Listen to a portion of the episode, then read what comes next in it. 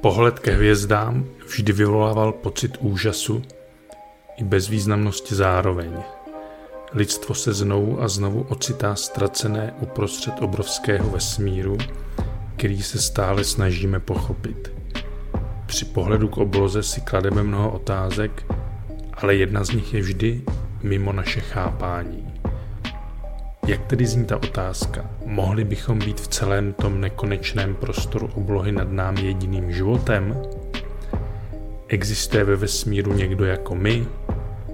V nekonečném vesmíru přece nemůžeme být sami, když existují miliardy dalších planet.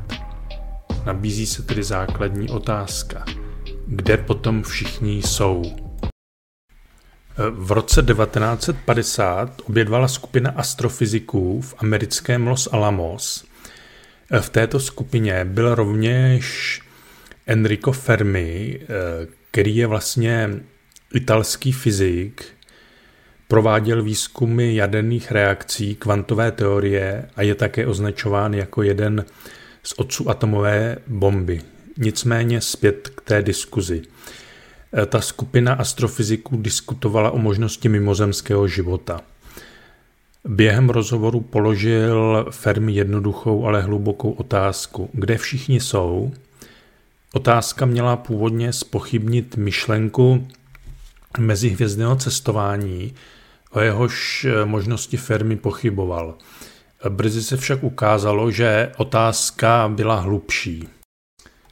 Pokud jsou po hvězdách roztroušeny miliardy civilizací, jak věří množ, mnozí věci, proč jsme o nich ještě neslyšeli? Tato otázka dala vzniknout tomu, co je dnes známé jako Fermiho paradox. Tento paradox byl v průběhu let předmětem mnoha debat a diskuzí a stále je výzvou pro současné myšlení. Mléčná dráha, tedy naše galaxie, je stará přibližně 10 miliard let a má, průměrně, má průměr 100 000 světelných let. Pokud by mimozemšťané měli vesmírné lodě, které by se mohly pohybovat rychlostí pouhého 1% rychlosti světla, mohla by být galaxie osídlená nebo kolonizována již tisíckrát. Proč jsme tedy dosud nezaznamenali žádné důkazy o existenci jiného inteligentního života ve vesmíru? Eh, aby se vědci pokusili na tuto otázku odpovědět, vyvinuli Drakeovu rovnici, která se snaží odhadnout počet civilizací ve vesmíru, které jsou schopny s námi komunikovat. Eh, tato rovnice bere v úvahu různé faktory, například počet hvězd v galaxii, pravděpodobnost, že se planety nacházejí v obyvatelné zóně své hvězdy a pravděpodobnost vzniku života na těchto planetách. Nutno zmínit další koncept, který byl použit k pochopení Fermiho paradoxu a to je Kardashiova stupnice. Tato stupnice rozděluje civilizace do kategorií na základě úrovně jejich technologické vyspělosti a spotřeby energie. Obecně se předpokládá, že civilizace typu 3, která je schopna využít energie celé galaxie, by pro nás byla snadno zjistitelná – Avšak žádné důkazy o existenci takové civilizace eh, jsme však zatím nezaznamenali. Eh, Fermiho paradox tak zůstává nadále hádankou, která stále spochybňuje naše chápání vesmíru. Navzdory tomu, že galaxie už mohla být mnohokrát kolonizována, dosud jsme nenašli žádné důkazy o existenci jiného inteligentního života. Hledání odpovědí tedy na tento paradox nepřestává fascinovat vědce i lajky. A my teda, co se pokusím udělat, pokusím se najít, eh, přijít s možnými vysvětleními Fermiho paradoxu. Eh, těchto možných vysvětlení Fermiho paradoxu jsem po důkladné rešerši a průzkumu internetu a jiných zdrojů našel celkem 12. Řekněme, svým způsobem s těmito vysvětleními přišli určit jako vědci a dejme tomu spisovatele a podobně. Nicméně věřím, že i méně pravděpodobná vysvětlení jsou, ale já si myslím, že pro začátek stačí těchto 12 základních vysvětleních a samozřejmě časem se postupně budou objevovat i vysvětlení další. Takže tedy pojďme na ty možná vysvětlení.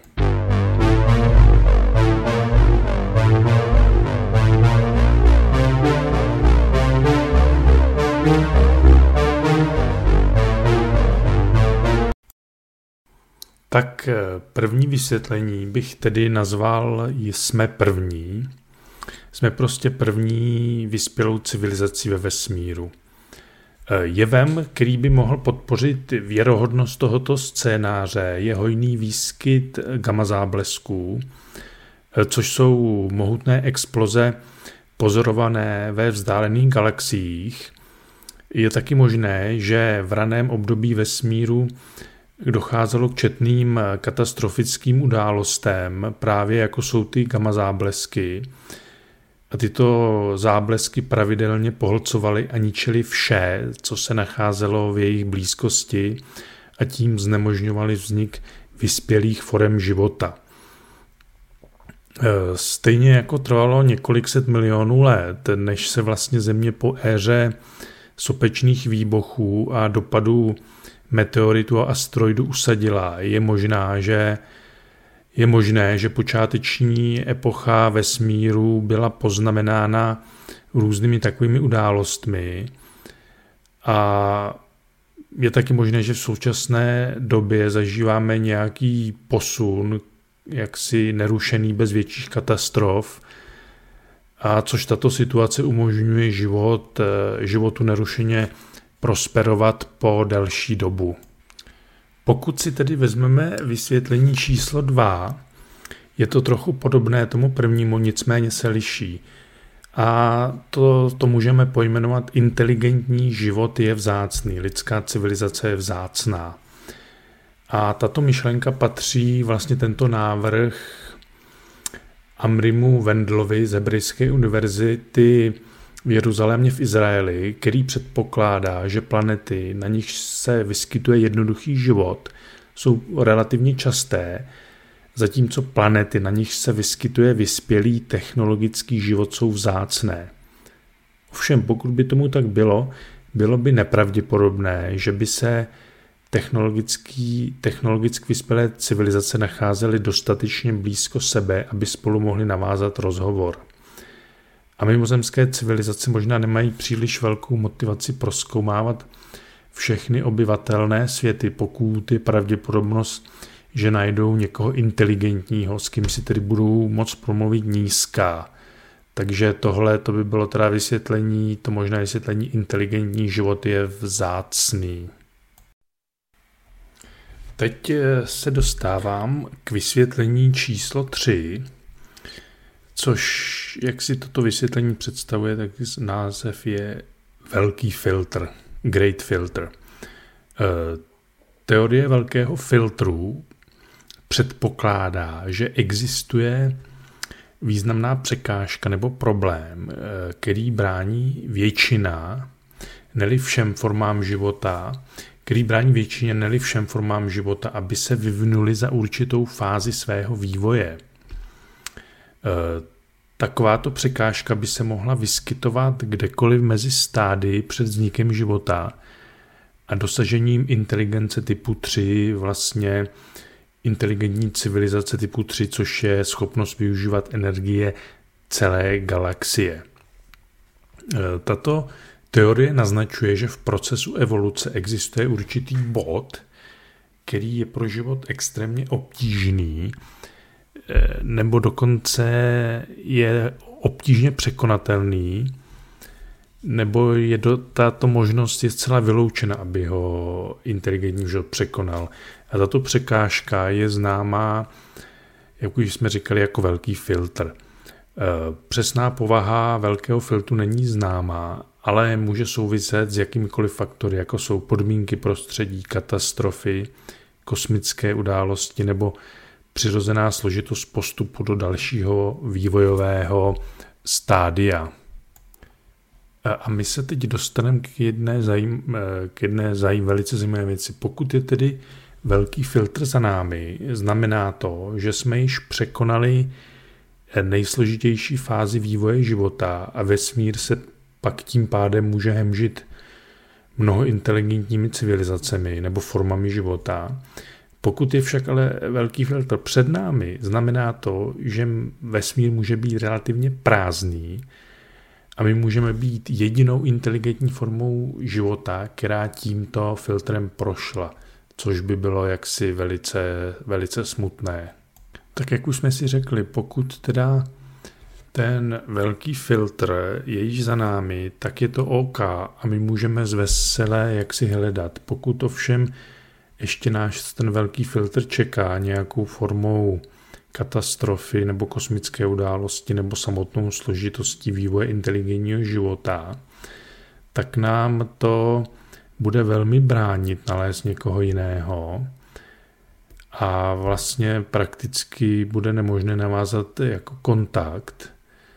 A zároveň jako pokud by se tato teorie velkého filtru prokázala jako pravdivá nebo vysoce pravděpodobná, tak by to bylo dost děsivé, protože to může taky znamenat, že každá vesmírná inteligentní civilizace se vždy dostane do bodu zničení, z kterého už není návratu a my tedy čelíme velmi nízké pravděpodobnosti, že se přes tento bod můžeme dostat.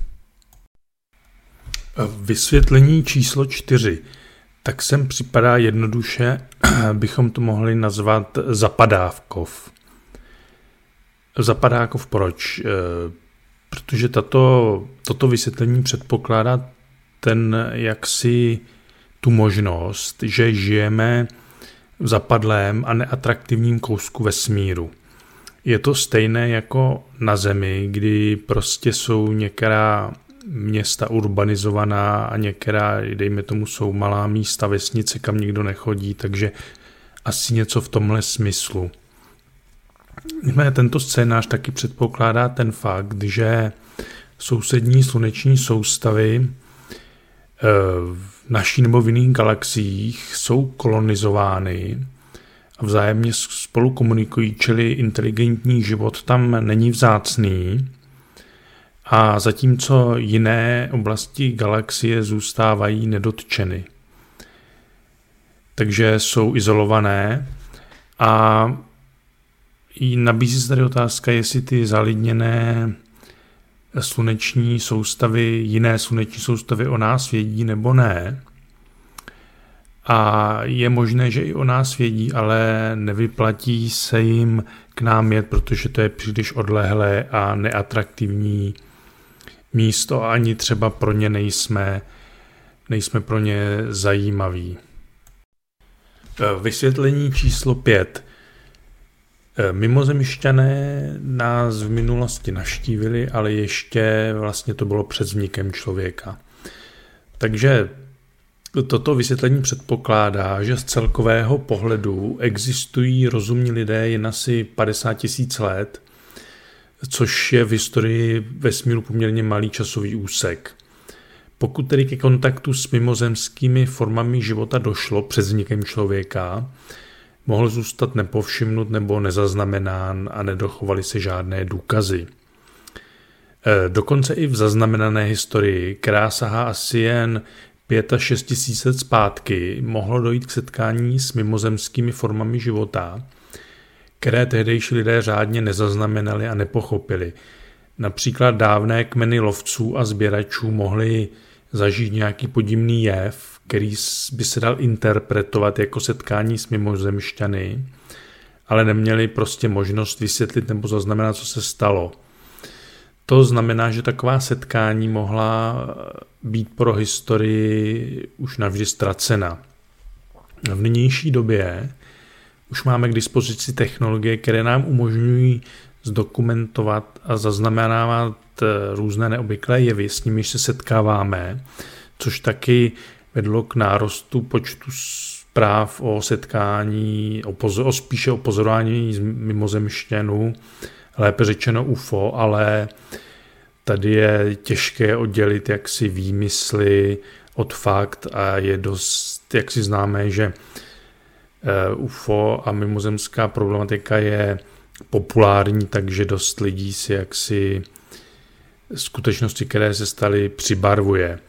No a co teda říci na závěr? Je to teda možné, že v minulosti ještě před vznikem člověka došlo k setkání, eh, teda lépe řečeno došlo k náštěvě mimozemských inteligentních civilizací na Zemi, ale toto se nedá nijak doložit takže musíme prostě jen se domnívat, že to tak mohlo být a je to jen další možné teoretické vysvětlení eh, Fermiho paradoxu. Eh, ještě bych chtěl dodat, že jako aby jsme sem do toho, toho tohleto vysvětlení o jaksi náštěvách země mimozemštěné v minulosti může svádět k tomu, jaksi k takovému k nepravdivému nebo konspirativnímu vysvětlení, kterým se zabýval a zabývá Erich von Daniken. To je velice populární spisovatel, který o tom napsal spoustu knih o minulé návštěvě země mimozemštěny, nicméně on tam předkládá důkazy, které nejsou vůbec zřejmé a dalo by se říct, že to jako nejsou tam přesvědčivé důkazy. Takže to spadá, takže nechci, aby se zaměňovalo toto vysvětlení s Erichem von Danikenem. Vysvětlení číslo 6. Tak tady by se, je to přesun vyspělé mimozemské civilizace do virtuálního světa. Tady vycházíme z toho konceptu, že jaksi ta fyzická kolonizace vesmíru je nesmírně náročný proces a proto se vyspělé civilizace snaží spíše přesunout do virtuálního světa. Pokud se teda jedná o velmi pokročilé vyspělé civilizace, které využívají energie nejen ze své planety, ale i z celé galaxie, tak dokáží vytvořit takové, takové množství energie, že jsou schopni jaksi dodat energii do virtuálního světu. Ovšem virtuální svět to známe i od nás, jak si nicméně my jsme zatím v začátku jako u lidí, takže ale tady u těchto civilizací se to dá předpokládat. Vlastně by se dalo říct, že mnohem vyspělejší mimozemská civilizace by mohla považovat fyzický svět za primitivní a mohla by ji zcela překonat. Takováto civilizace by mohla nahrát své mozky, chcete-li své identity do virtuální reality, kde by mohla existovat neomezeně prakticky žít věčný život, nebyla by omezena biologií a smrtelností. E, život v takovém fyzickém světě, vlastně život ve fyzickém světě, kde se uplatňuje biologie a smrt, tam jako může se nám, může jí připadat vyspělé civilizace primitivní a my sami na Zemi víme, jak je problematické, jak si podnikat pilotované lety do vesmíru. Takže eh,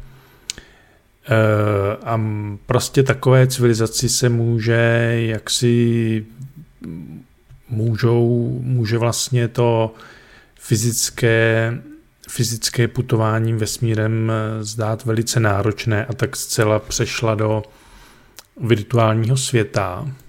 E, nicméně ten virtuální svět bude také zajímavé sledovat, jaké pokroky za dejme tomu 5 až 10 let bude tady na Zemi, protože pokud tam všechno k tomu bude směřovat, tak bude moc být sami svědky toho, že ten virtuální svět se bude stávat atraktivním a bude snižovat tu náročnost na to, aby člověk fyzicky postup, podstupoval nějaké riskantní akce. Takže to je asi tolik k tomu přechodu do virtuálního světa. No, možná ještě takový dodatek, pokud by jaksi tam byl přesun do virtuálního světa a několik udělal, byl to několik civilizací, které by se vzájem, vzájemně neznali jako současně, tak by bylo možné, dejme tomu, aby se jaksi vzájemně propojili na svůj internet, pokud teda by to jaksi na ty vzdálenosti bylo možné, ale to už jaksi je jen takový dodatek a k tomu nám ještě brání nedostatečný vývoj v technologiích, takže asi tak. Tak a máme tu vysvětlení číslo 7. A e, to by se dá zkrátka nazvat takto. Ve, vesfí, ve vesmíru je mnoho predátorských civilizací a ostatní tím pádem vědí, že není bezpečné vysílat signály a dávat o sobě vědět.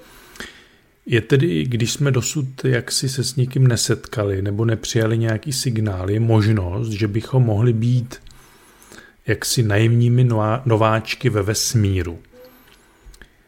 E, tato situace je nepříjemná a mohla by pomoci vysvětlit, proč jsme tedy žádné signály neobdrželi. Je také možné, že se chováme neuvěřitelně hloupě a riskantně, když vysíláme signály směrem ven, což by mohlo přilákat pozornost již zmíněných predátorských mimozemských civilizací. A k tomu hned dodat, v současné době probíhá debata, zda bychom se kromě projektu SETI, teda což je Search for Extraterrestrial Intelligence, vlastně průzkum na zachytávání mimozemských signálů, jestli by se měl rozjet projekt METI, teda Messaging to Extraterrestrial Intelligence, a to znamená posílání signálu těm mimozemským civilizacím.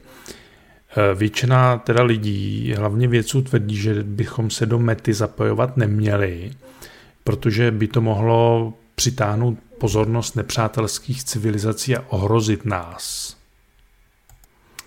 Eh, slavný fyzik Stephen Hawking, který už nežije, ten dlouhodobě varoval, že pokud by došlo k té variantě a mimozemštěné by nás navštívili, mohlo by to dopadnout eh, podobně, jako když vlastně Kolumbus, potažmo Evropané přistáli v Americe, což pro původní obyvatelé Ameriky nedopadlo vůbec dobře.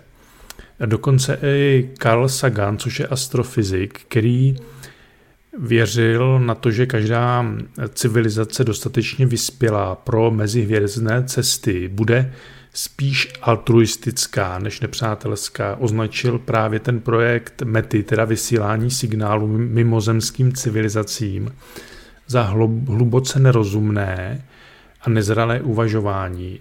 Carl Sagan tedy doporučoval spíše, abychom tiše naslouchali a trpělivě poznávali vesmír a porovnávali si poznámky, než začneme křičet do neznámé džungle, které, které nerozumíme. A ještě jak si existuje jedna podskupina k tomuto vysvětlení a to je existence pouze jedné superpredátorské civilizace, která ničí všechny ostatní, vlastně jak to, přiznejme si to, jak to dělají lidé na Zemi. Vlastně je jde to, o ten koncept, že galaxii, galaxii by ovládla jediná superinteligentní civilizace a teorie naznačuje to, že ačkoliv by bylo neefektivní využívat zdroje k vyhubení všech vznikajících inteligencí, eh, tak v určitém okamžiku by se superbytosti mohly vydat na cestu a nebezpečí by pro ně představovaly právě vznikající inteligentní civilizace, mohly by je ohrožovat, eh, mohly by pro ně představovat něco jako vir. Eh, tato teorie také navrhuje, že ten, kdo jako první v galaxii dosáhl inteligence, vyhrál a nikdo jiný teď nemá šanci. To by pak vysvětlovalo nedostatečnou aktivitu ve vesmíru, protože by to udrželo počet eh, superinteligentních civilizací na pouhé jedné. Pokud je te, te, tedy tato děsivá teorie správná, znamenalo by to jaksi omezení našich nadějí na nalezení jakékoliv jiné inteligentní formy života ve vesmíru, protože by to buď teda znamenalo, že jsme sami, nebo že jsme v odlehlé části vesmíru a čeká nás ještě nějaká katastrofa, kdy nás ta superpredátorská eh, civilizace prostě zahubí. Eh, vysvětlení číslo 8. Eh, to by se dalo nazvat máme primitivní technologie. Z pohledu vysoce vyspělých mimozemských inteligentních civilizací by se naše technologie mohly zdát velice primitivní, a což z toho lze možné vyvodit, že nejsme schopni zachytávat eh, signály od jiných civilizací nebo technosignatury. To znamená nějaké znaky ve vesmíru, které signalizují to, že tam někdo je. Takže Eh, mi již zde bylo řečeno, že v programu SETI, který se zabývá průzkumem eh, přijímání možných signálů od jiných civilizací, může být ten fakt, že jsme zatím nic zajímavého neobdrželi to, že ty družice těch, za prvé těch satelitů nemáme dost, nebo pracují na primitivní úrovni, Eh, je taky možné, že prostě nehledáme na správném místě nebo nepoužíváme správné metody k detekci mimozemské komunikace. Je však eh, taky možné, že jiné civilizace komunikují způsoby, které nedokážeme odhalit nebo pochopit. Eh, je to vlastně podobné, jako když Vejde, někdo vejde do moderní kancelářské budovy a zapne vysílačku, aby zjistil, zda je budova prázdná. Pokud však není slyšet žádná aktivita, nemusí to nutně znamenat, že je budova prázdná, protože všichni mohou místo vysílaček eh, psát textové zprávy. Eh, další možností, jak upozornil astrofyzik Carl Sagan, je ta, že naše mysl pracuje exponenciálně rychleji nebo pomaleji než jiná forma inteligence ve vesmíru. Mohlo by, jako příklad tady uvádí, že mohlo by jim například trvat 10 let, než řeknou dobrý den. A když tuto komunikaci uslyšíme, zní nám to jen jako šum.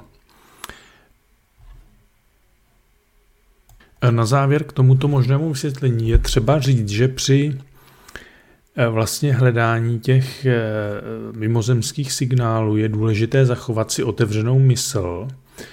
Eh, musí se prostě vzít dlouhou možnost, že jiné civilizace mohou komunikovat způsoby, které se výrazně liší od našich a možná budeme muset vyvinout nové metody detekce a interpretace této komunikace. Vysvětlení číslo 9 dáme tomu název, nejsme schopni jiné civilizace vnímat. E, otázka, zda můžeme e, porozumět bytostem z jiných planet nebo s nimi komunikovat, je podobná otázce, zda mravenci rozumí desetiproudé dálnici, která se staví hned vedle jejich mraveniště. E, nejde o to, že bychom pomocí naší technologie nedokázali zachytit signály z nějaké planety, ale spíš o to, že nemusíme být schopni pochopit, co jsou bytosti z té konkrétní planety zač nebo jaké jsou jejich záměry. Je možné, že jejich technologie a znalosti jsou daleko, daleko za našimi a že i kdyby nás chtěli poučit, bylo by to jako si snažit mravence naučit něco třeba o umění nebo o internetu. Eh, tato teorie může, nám může pomoci vysvětlit ten vlastně důvod, proč nás dosud vyspělé civilizace typu 3, to znamená, že využívají energii z celé galaxie, dosud nekontaktovali. Když si tady vezmeme příklad, když cestovatel, chcete-li dobyvatel, zakladatel hlavního města Peru, Francisco Pizarro, když vlastně tam přijel do Peru, tak se nezastavil v mraveništi, aby se pokusil s mravenci komunikovat nebo jim jakkoliv pomoci.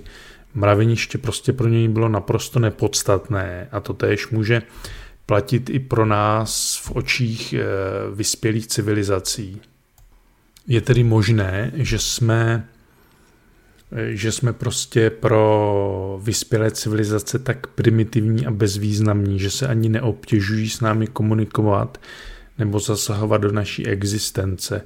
Případně mohou mít jiné důvody, proč nás nekontaktují, například respekt k naší autonomii, autonomii nebo třeba snahu nezasahovat do přirozeného vývoje našeho, našeho druhu. Vysvětlení číslo 10. Tak sem, sem patří takzvaná zoohypotéza. Ve zkratce řečeno, cizí civilizace nás sledují, ale nedávají o sobě vědět. E, takže co to znamená? E, někteří vědci se domnívají, že v naší galaxii existují superinteligentní civilizace, které vytvořily přísně regulované společenství. Naše planeta a dejme tomu i jiné planety na naší úrovni Naše planeta Země je tedy považována za součást rozsáhlého a chráněného národního parku, kde platí přísná pravidla pozorování, ale není povolena žádná interakce. To znamená, že i kdyby nás tyto vyspělé civilizace pozorovaly, nebyli bychom je schopni odhalit. Věděli by, jak nás vlastně pozorovat, aniž, bych, aniž by jsme o tom věděli. Je možné, že v naší galaxii existuje podobné pravidlo jako základní směrnice ve Star Treku. Ta by vlastně ta základní směrnice by zakazovala superinteligentním bytostem navázat jakýkoliv otevřený kontakt s nižšími druhy, jako jsme my, nebo se jakkoliv odhalit, dokud nižší druh inteligence nedosáhne určité úrovně té inteligence. To by také vysvětlovalo, proč jsme dosud neměli žádný přímý kontakt s jinými inteligentními formami života ve vesmíru. Eh, jedním z důvodů, proč by se superinteligentní civilizace mohly chtít vyhnout kontaktu s námi, je obava eh, z narušení našeho přirozeného vývoje. Eh, mohli by čekat, až dosáhneme určitého stupně inteligence a technologického rozvoje a teprve poté by nám mohli dát najevo svou přítomnost.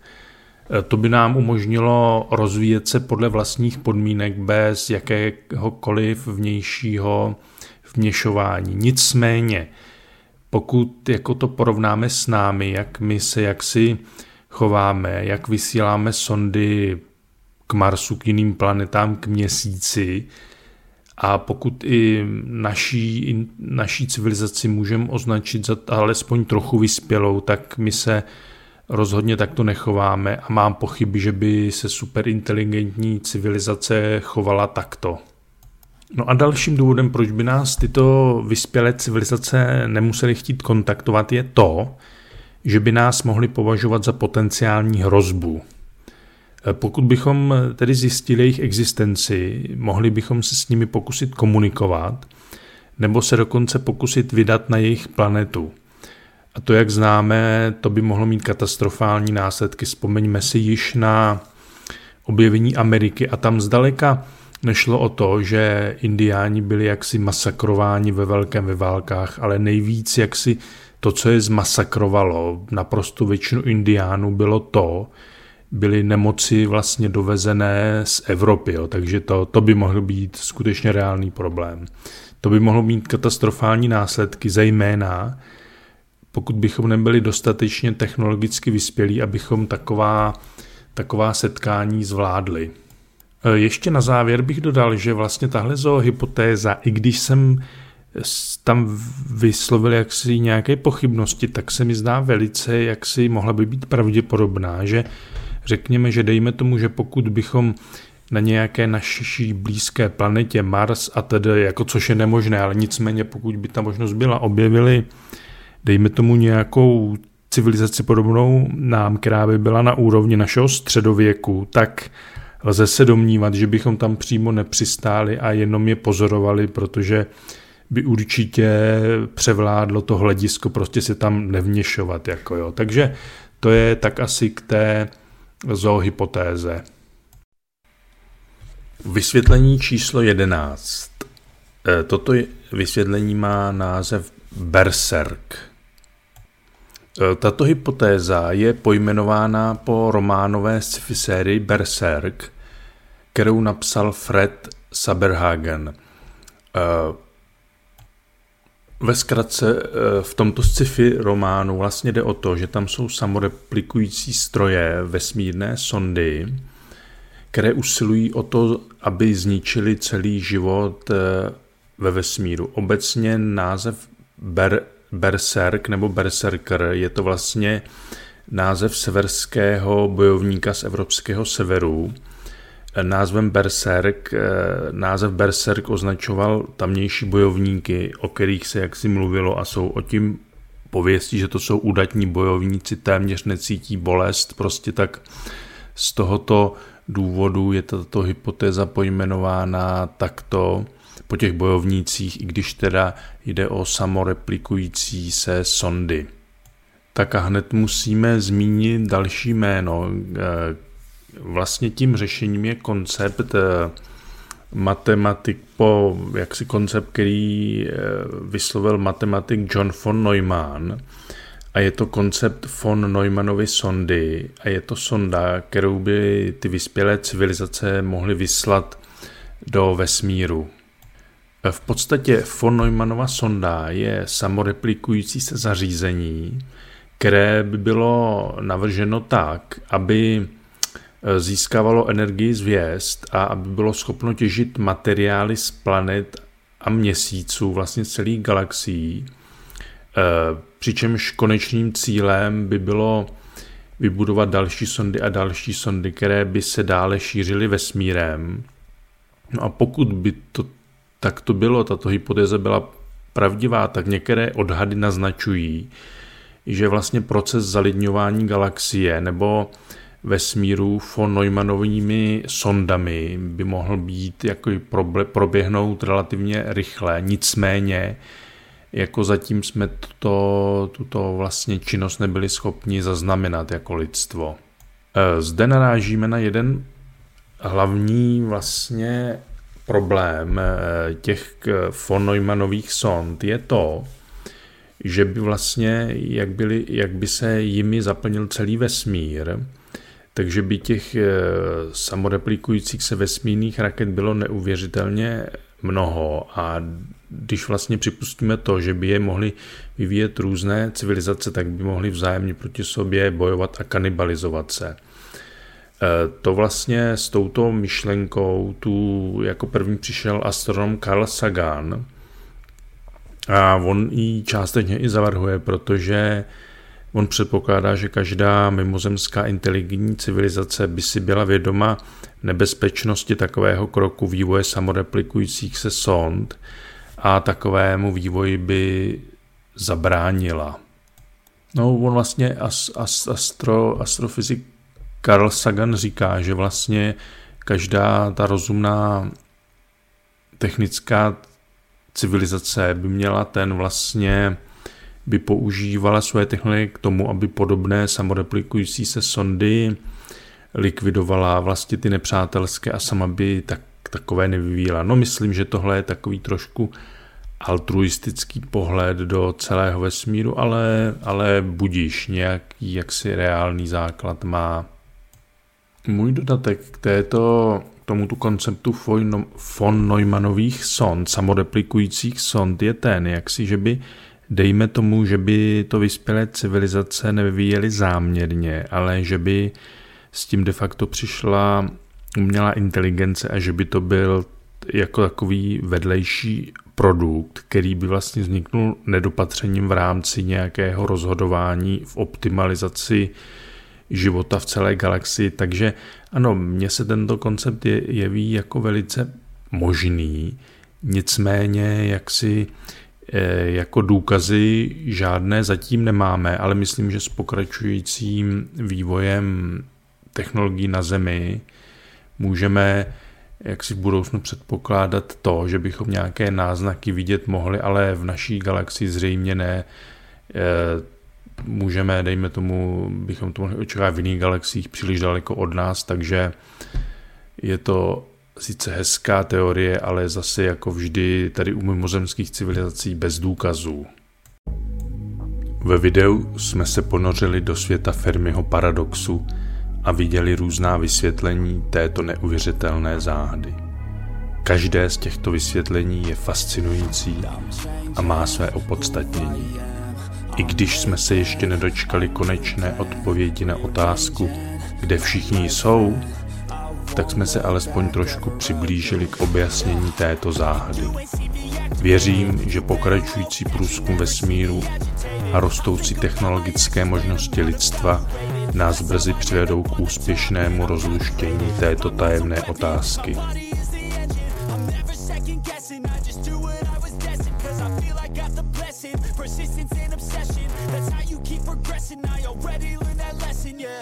Don't change